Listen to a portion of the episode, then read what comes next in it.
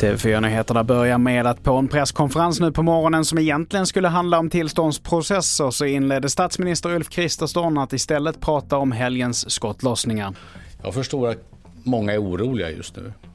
Är man i Farsta just nu så tror jag man är orolig för egen del.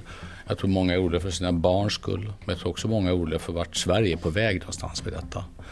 Eh, och jag förstår den oron. Bara säga att har det kunnat bli på det här sättet har det kunnat gå i den här riktningen så kan vi också få det att gå i en annan riktning. Det går att ändra på detta och det är det vi kommer att göra. Vidare till att natten till idag så fick polisen in ett larm om misstänkt farligt föremål vid ett flerfamiljshus i Hässelby, det skriver Aftonbladet.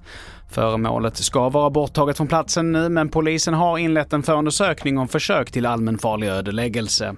Och till sist, allt fler stökiga och kriminella portas från butiker, men en ny rapport visar att lagen används på olika sätt beroende på vart i landet man befinner sig. I Stockholms västerort har till exempel inga tillträdesförbud beviljats medan åklagarkammaren i Falun godkänt 80% av ansökningarna. Och under andra året med den nya lagen så har färre personer anmälts, något som Svensk Handel tolkar som att butiker som fått avslag tidigare på sina ansökningar avstår från att anmäla. Fler nyheter hittar du på tv4.se. Jag heter Mattias Nordgren.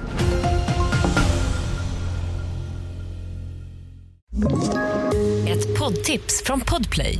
I fallen jag aldrig glömmer djupdyker Hasse Aro i arbetet bakom några av Sveriges mest uppseendeväckande brottsutredningar. Går vi in med hemlig telefonavlyssning och, och då upplever vi att vi får en total förändring av hans beteende. Vad är det som händer nu? Vem är det som läcker?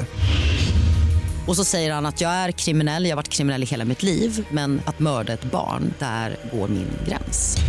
Nya säsongen av Fallen jag aldrig glömmer på Podplay.